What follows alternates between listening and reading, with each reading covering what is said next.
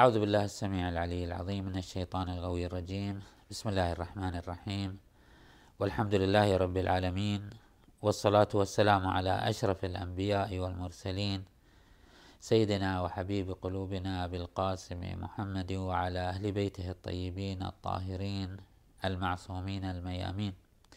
يقول الله عز وجل في محكم كتابه الكريم بسم الله الرحمن الرحيم. يا أيها الناس إنا خلقناكم من ذكر وأنثى وجعلناكم شعوبا وقبائل لتعارفوا. إن أكرمكم عند الله أتقاكم إن الله عليم خبير. صدق الله العلي العظيم. في هذه اللحظات وهذه الدقائق يجمعنا معكم هذا الحديث المختصر فيما يرتبط بشأن الأسرة وشأن المرأة. وهذه العناوين أثيرت في الفترة الأخيرة وفي الحقبات الأخيرة من تاريخ الإنسان حولها الكثير من الجدل والإثارات والتشكيكات والإبهامات حتى ما عادت الإنسانية اليوم ترجع إلى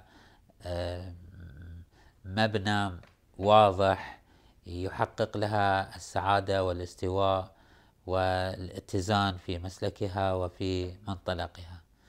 وهذا الواقع البشري اليوم هو ناتج تراكم آه، تخلف طويل الأمد في تركيبة الإنسان في تاريخه المديد حيث تعرضت الأسرة والمرأة بالخصوص إلى كثير من ألوان الظلم وسلب الحقوق. وبطبيعة الحال لن نستطيع نحن أن نعالج كل الإثارات المثارة حول شأن المرأة وشأن الأسرة في هذه العجالة ولكن بقدر الإمكان نحاول أن نبلور تصور يكون هو منطلق لبناء الأسرة وسعادة المرأة الذي من خلاله سوف تتحقق الاستواء الصحيح والبنية الصحيحة والمحضن الصحيح السليم الذي تنطلق منه البشرية في بناء المجتمع والشعوب والقبائل والأسر والتركيبة الإنسانية العامة. لو لاحظنا الواقع البشري وكم تاه في تاريخه المديد في معرفة حقيقة المرأة وموقعيتها في التركيبة الاجتماعية فإننا سوف نجد أن هناك إرباكا آه، نتج عن عناصر كثيرة عن البيئة وعن المعادلة الاجتماعية وعن التركيبات الإنسانية التي سادت فترات طويلة من عمر الإنسان أوجدت هذا القلق والاضطراب في بناء الأسرة وفي بناء الإنسان بالتبع لأن الأسرة هي المحضن آه، والمخدع الذي آه، تنمو فيه التركيبة الإنسانية القويمة. يمكننا أن نشير في هذا الحديث إلى نقاط ثلاثة بشكل سريع. النقطة الأولى هي أن واقع المرأة في تاريخها الطويل في التاريخ على مستوى البشري في الأحقاب المتطاولة. من تاريخ الإنسان آه، نعم وقعت تحت الظلم وتحت استئساد وتحت بطش آه، الرجل الذي هو عادة ما يكون آه، صاحب السطوة وصاحب الغلبة البدنية. حتى بلغ أنه مر في بعض مراحل التركيبات الإنسانية أن أصبحت المرأة تدفن تحت الأرض وأن تقتل قبل أن تنمو. هذه وإن كانت حادثة جزئية في تاريخ البشرية لكنها تحكي عن مدى الظلامة التي وقعت فيها المرأة.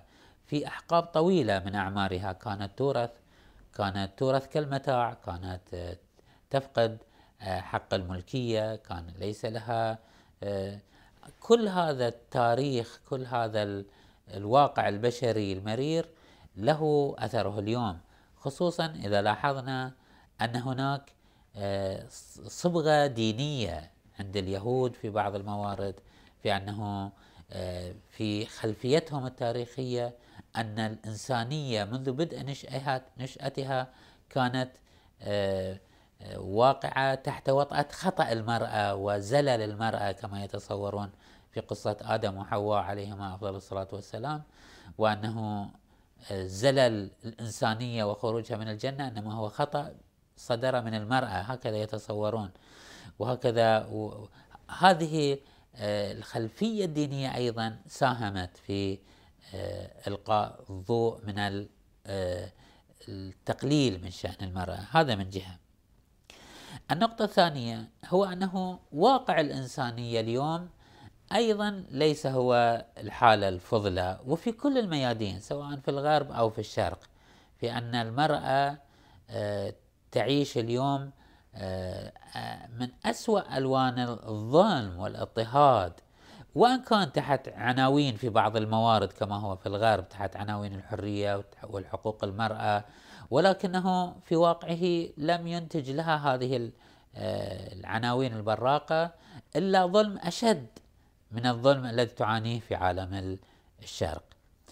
النقطة الثالثة هي أن الإسلام جاء ليحفظ كرامة الإنسان، كرامة الأسرة، كرامة المرأة وهنا يجب أن نميز بين الحقوق والقيم من جهة والتنظيم والقانون من جهة ثانية بمعنى أنه كما هو الحال في أي ترتيب منزلي كما هو الحال في أي ترتيب فريق كما هو الحال في ترتيب أي منظومة بشرية ليس من الحكمة ولا من ابداع في ترتيب الوضع أن يكون الجميع في نفس المسار وفي نفس المسلك وفي نفس المهمات وفي نفس الإنتاج. لو أردنا أن نبني مصنعا فسوف نوزع آه، أعضاء المصنع. ذكورا كانوا أو اناثا أو ذكورا واناثا سوف نوزع المهمات بحسب الطاقات وبحسب الخبرات وبحسب الإمكانيات. سوف نعطي العمل الذي يحتاج إلى قوة وثقل إلى أصحاب العضلات القوية وسوف نعطي العمل الذي يحتاج إلى دقة وبراعة إلى من يمتلك هذه الملكات. سوف نعطي العمل الذي يحتاج إلى طول نفس وسعة بال إلى من يمتلك هذه الخصوصيات.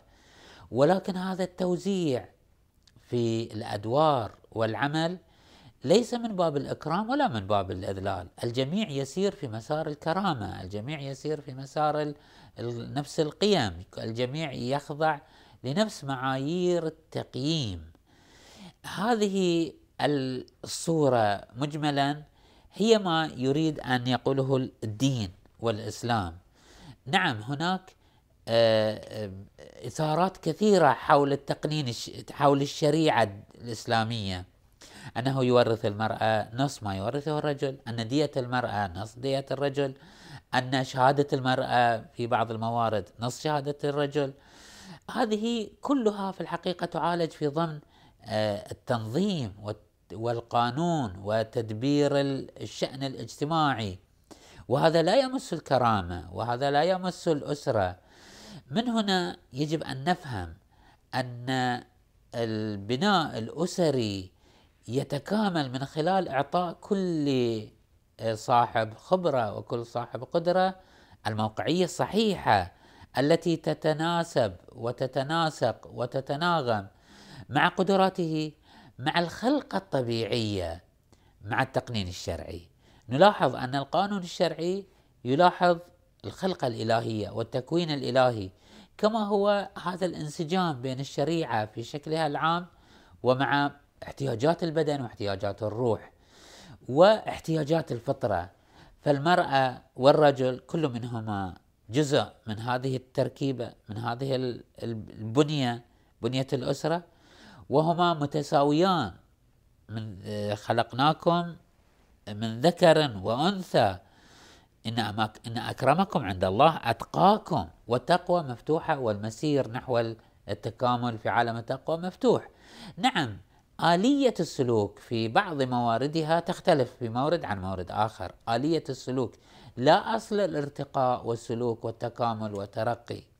فالله جل وعلا خلق الجميع لكي يسلكوا مسالك التكامل ويبنوا هذه البنية. الإنسانية الحساسة المسمى بالأسرة وأعطى كل ف... كل صنف من هذين الصنفين أعطاه إمكانيات وقدرات وأوجه له مجموعة من التكاليف التي تتناسب مع قدراته ومع إمكانياته. فالمرأة أعطاها القدرة على الحمل وأعطاها القدرة على الرضاعة وأعطاها القدرة الروحية على استيعاب آه، بعاطفة ورقة للأطفال في والإنسان في بداية تشكيله كما أنه أعطى الرجل العضلات والقدرة والحدة في اتخاذ القرار وفي الجرأة على الأقدام.